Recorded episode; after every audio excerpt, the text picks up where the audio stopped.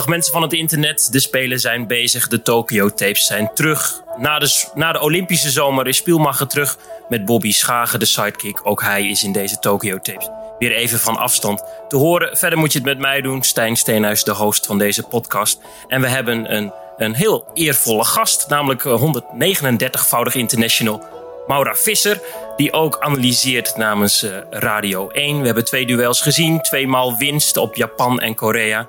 Maura, van welke wedstrijd heb jij het allermeest genoten?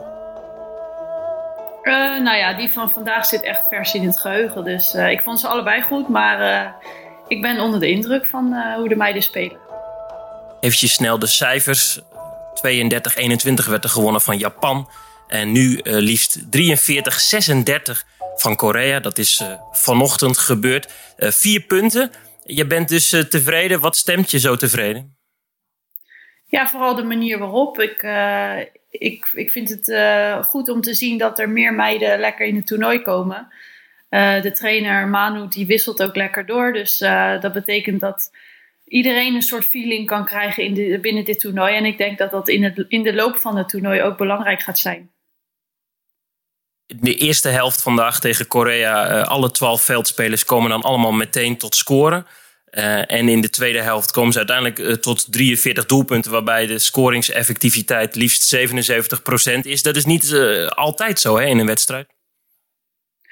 Nee, zeker niet. Ze waren vandaag scherp. En ja, ik denk dat, dat daarachter twee goede keepsters zijn. Tess was vandaag vooral goed in vorm. Daarna zie je als de Rinka erin komt dat ook de verdediging iets minder wordt. Dus dat betekent ook dat het lastiger wordt natuurlijk voor Rinka. Maar vooral uh, in de voorbereiding en ook in de eerste wedstrijd uh, vond ik haar ook een sterke indruk achterlaten. Best verrassend toch dat zij in Japan, tegen Japan de tweede helft starten nadat Wester zaterdag best goed begon ook. Want Marjonade hield Duindam vaker langer aan de kant.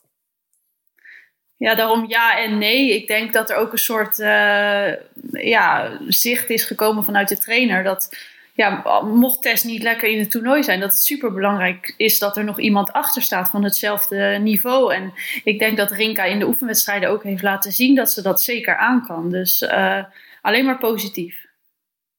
Ja, in beide wedstrijden dus de hele ploeg gebruikt en ook de hele ploeg goed. Je ziet dat hij na een kwartiertje de hoekspelers erin en uh, eruit haalt. Is de breedte van de ploeg dan ook voor zo'n toernooi dat langer duurt een sleutel tot succes? Uh, dat denk ik zeker. Dat is niet altijd zo geweest natuurlijk. En je ziet ook in de loop van een toernooi, als je zoveel wedstrijden speelt, op een gegeven moment is het logisch dat dan de vermoeidheid toeslaat. En uh, ik denk door de speeltijd te verdelen, uh, stel je dat zo lang mogelijk uit. En is iedereen toch fitter aan het begin van een wedstrijd. En het allerbelangrijkste aan het eind van een wedstrijd. Een hoop doelpunten voor de afgelopen twee wedstrijden. 21 tegen, tegen Japan, nu uh, eh, 36 tegen Korea. Is dat iets dat je dan zorgen baart wel? Nou, geen zorgen. Ik denk ook dat het een keuze is die ze nu gemaakt hebben. Dat ze blijven aanvallen, blijven lopen. Uh, ja, een puntje wat ze zelf ook mee zullen nemen is dat ze misschien sneller terug kunnen schakelen in, het, in de verdediging. Dus dat betekent sneller omdraaien en ook weer klaar zijn om, om uh, de tegenstander op te vangen. Dat was nu in een aantal gevallen misschien uh, niet snel genoeg. Maar uh, ja, die meiden zijn kritisch genoeg om, om de puntjes eruit te halen die nog beter kunnen. Je bent zelf altijd spelmaakster geweest en dan ga ik een gemene vraag stellen. Inger Smits of Nieke Groot? twee totaal verschillende speelsters in mijn ogen. En ik vind dat Inger het ook echt super goed doet. Uh, dat heeft ze al bij Dortmund laten zien dat ze dat sowieso kan. En, en ze krijgt nu ook uh, het vertrouwen van de trainer. Dus dat doet haar goed en ze bewijst het ook. Daarnaast heb je natuurlijk Nieke, die ook uh, een heel goed oog heeft voor haar medespeelsters. Dat zie je ook, hoe de manier waarop zij de cirkelspeelster en de hoek vrij kan, spelen. Dat is ook een specialiteit. Uh, dus ja, twee uh, goede speelsters op elke positie, dat is echt wel een luxe. Was jij meer uh, het Smits-type à la uitstand scoren, wat ze vandaag deed? Of, uh, of toch die no-look van uh, Nieke Groot?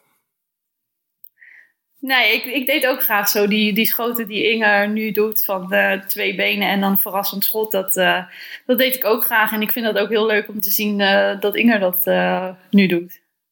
Niet altijd een stijl die alle vrouwen met zich meenemen, toch? Het is wel, het is wel gewaagd en ook wel heel veel lef. Ja, eh, lef sowieso, maar het is ook verrassend voor een keepster en voor een verdediging. Uh, je weet zelf dat als iemand op je af kan en die kan en snel schieten en passeren, ja, dan moet je voor alle twee klaarstaan. En dat schot is meestal sneller dan dat een verdediger uh, reageren kan.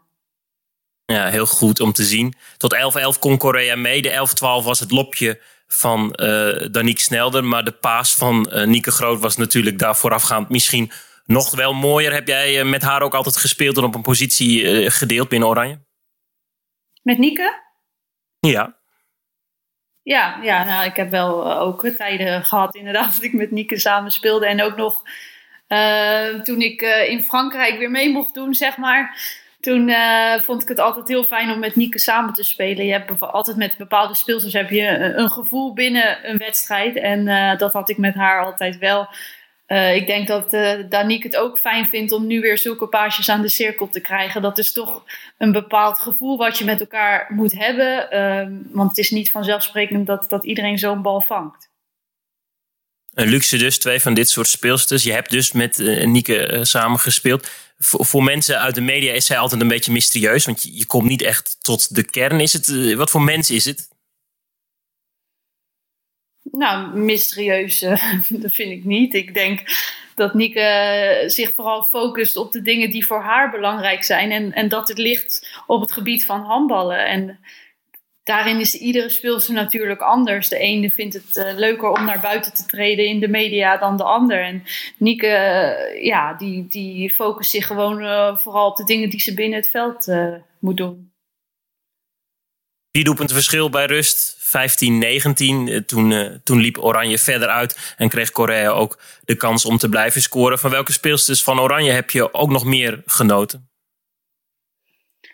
Uh, ja, het waren er vandaag eigenlijk wel meerdere. Ik vond het ook goed dat Kelly van afstand ging schieten in de snelle tegenaanval. Dat, dat kan zij ook. En dat kon ze nu ook eindelijk laten zien. Um, de hoeken snel weg. Ja, ook, ook trefzeker. Ik vond Merel en, en Danique eigenlijk allebei aan de cirkel goed. En dan ja, die schoten van Inger. En dan de keepsters natuurlijk al met al, als je optelt, Japan, Korea, vier punten. Best aardig spel. Ben jij tevreden met deze start? Ja, ik, ik zou wel tekenen voor zo'n start uh, als team zijnde. En ik denk ook wel dat uh, misschien moet je zelf niet te veel daarover nadenken, maar dat andere landen dit ook wel zien.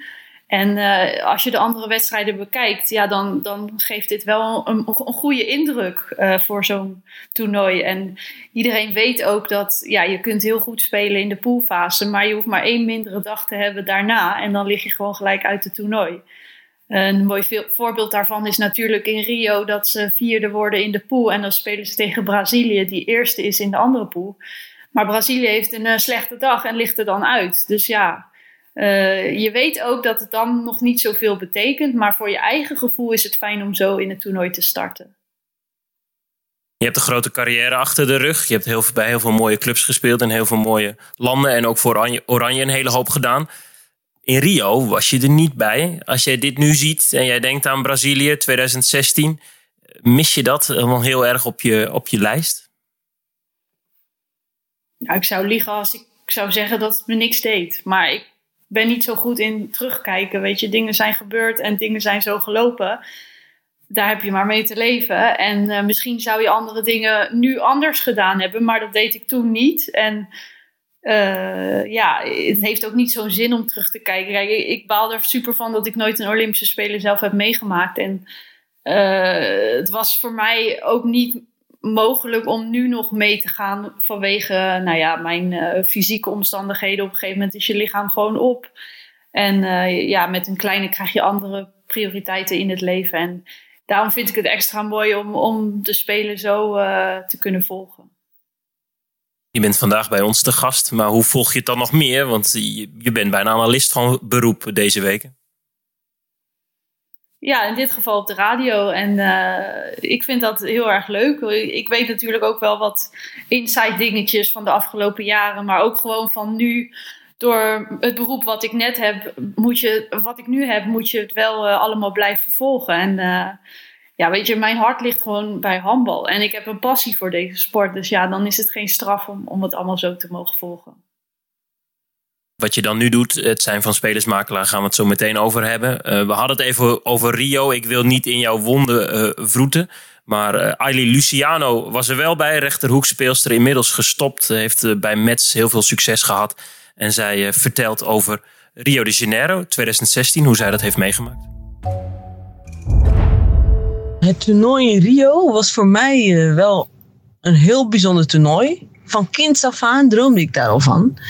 En uh, ja, om dat dan zeg maar te realiseren, om dat dan werkelijkheid te maken en daar dan echt te staan in Rio, ja, dat was gewoon heel bijzonder. Ja, ik, ik liep daar tussen de sterren, ik liep daar tussen uh, mijn idool, Serena Williams. Dat was echt uh, geweldig. Ik wist dat het mijn laatste toernooi zou zijn met Oranje.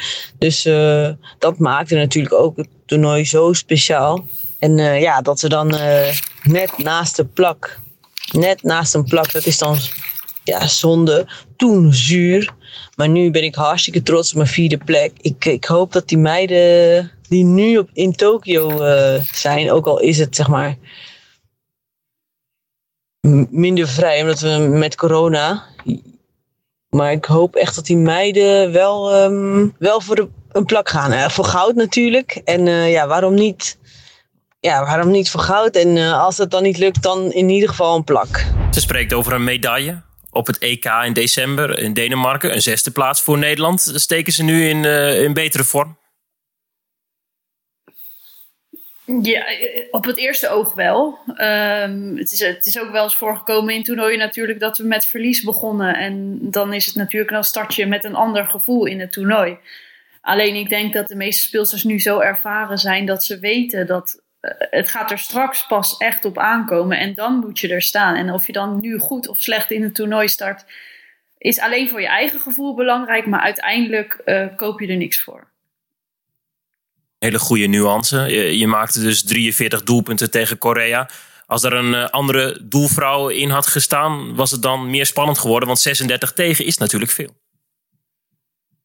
Ja, maar ja, dat is ook natuurlijk wat ik zei. Dat is de keuze die ze maken om te blijven rennen, om te blijven omschakelen in die snelle aanval. Je kunt ook het tempo eruit halen, waardoor je ook minder tegendoelpunten krijgt waarschijnlijk. Maar ja, gezegd uh, is dat dus de, de keepster van Zuid-Korea hield natuurlijk niet heel veel tegen. En uh, dat is de verdienste van uh, Oranje, omdat ze goed afmaken. En zo loopt een wedstrijd. Dus ja, als, als, ja, dat is altijd lastig zeggen.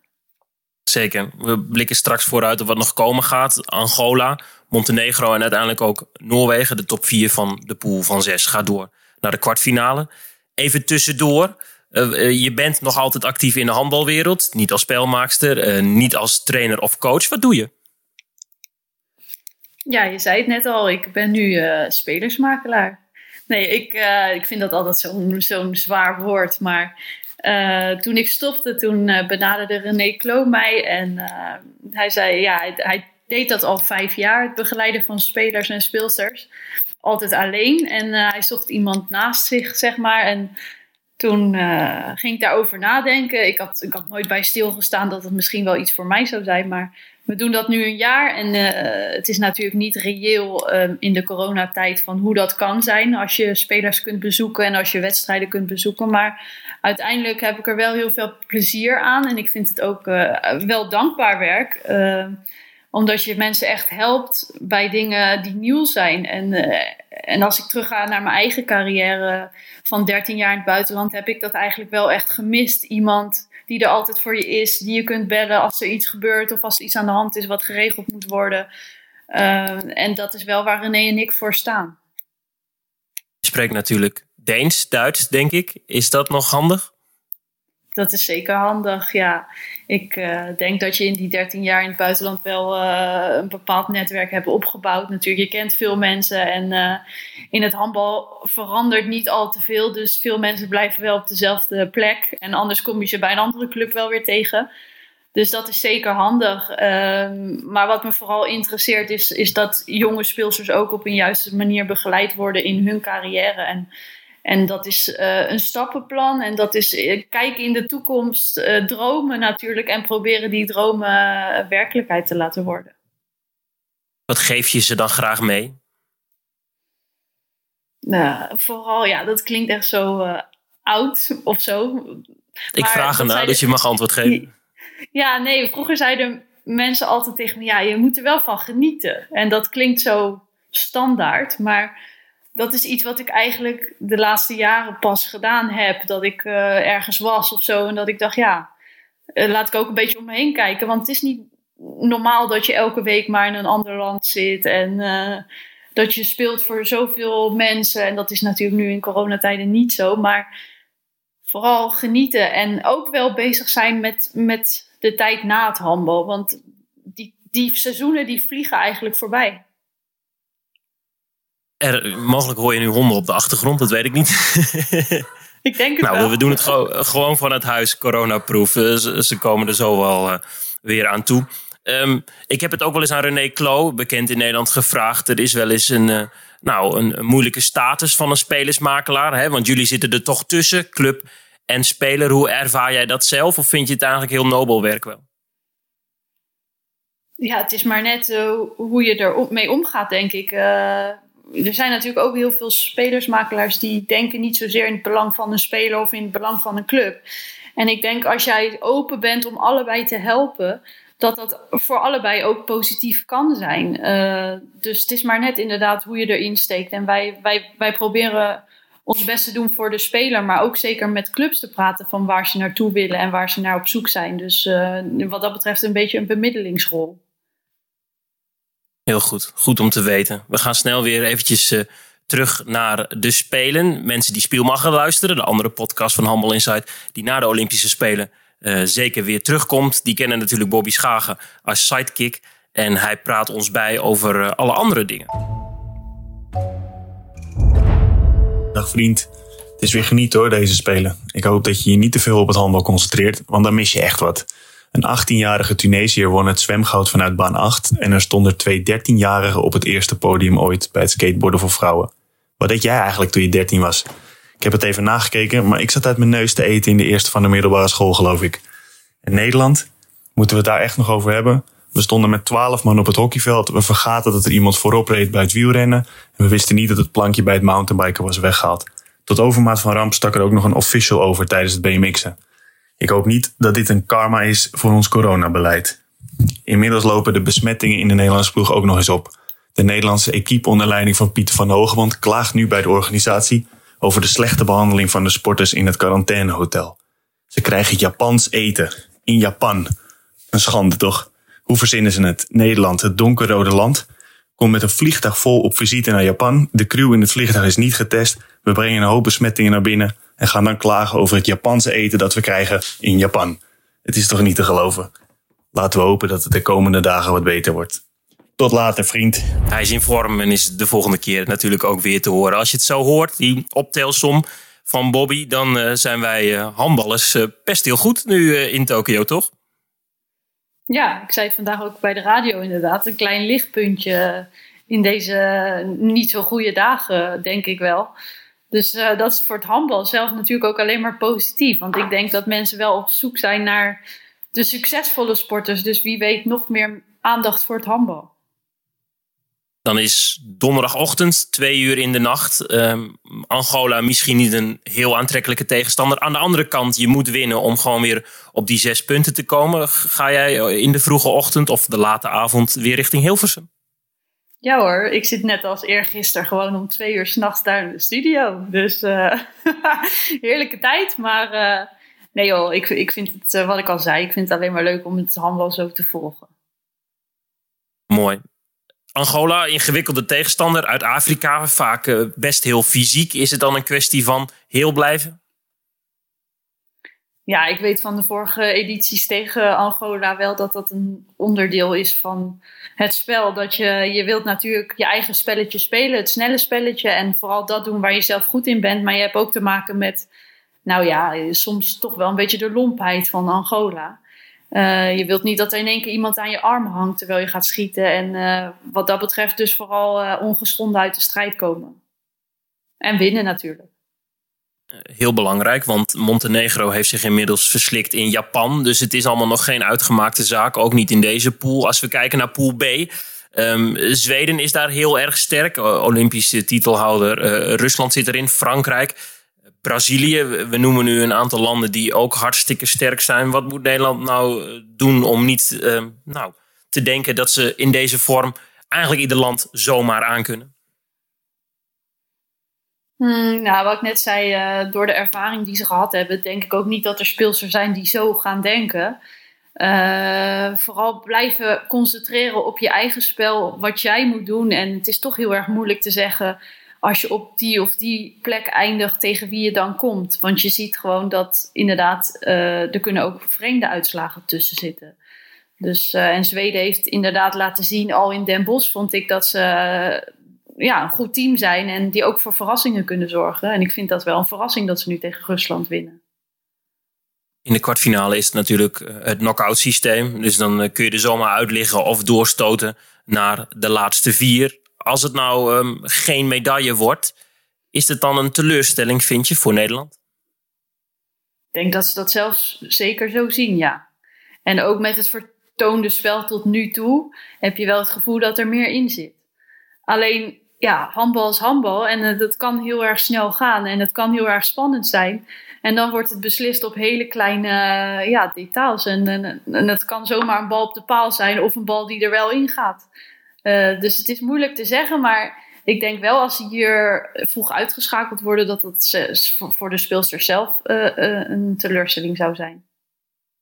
Zeker omdat het wel loopt, zoals je net al, uh, al noemt. Dat is uh, ook wel weer. Want in Kumamoto, toen wonnen we goud. Dat is natuurlijk waanzinnig. Liep het ook niet altijd perfect. En zeker het EK daarop. Nu lijkt het dan wel weer te lopen.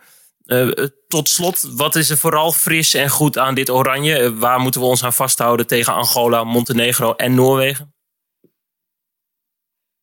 Ja, ik vond vooral uh, die twee toernooien die je net noemt, die begonnen, uh, begonnen we eigenlijk heel anders. Hè? Dat uh, was met de verliespartij en dan heb je het gevoel dat je het beter moet gaan doen. En ja, je moet laten zien dat je het beter kunt. En nu doen ze het gewoon goed en is het zaak dat vast te houden. En dat is denk ik toch wel een ander gevoel wat je hebt. Verder rest, uh, ja, wat ik zeg, uh, ik vind het heel erg positief dat meerdere speelsters hun verantwoordelijkheid nemen. En uh, dat heb je echt nodig in zo'n toernooi. Denk je dat Marionade, de Franse bondscoach, misschien ook wel een beetje geleerd heeft? Hè? In het begin was hij misschien vooral de hele harde trainer die van alles wilde en eiste. Heeft hij misschien een beetje de Nederlandse school, een beetje luisteren naar zijn routiniers geleerd?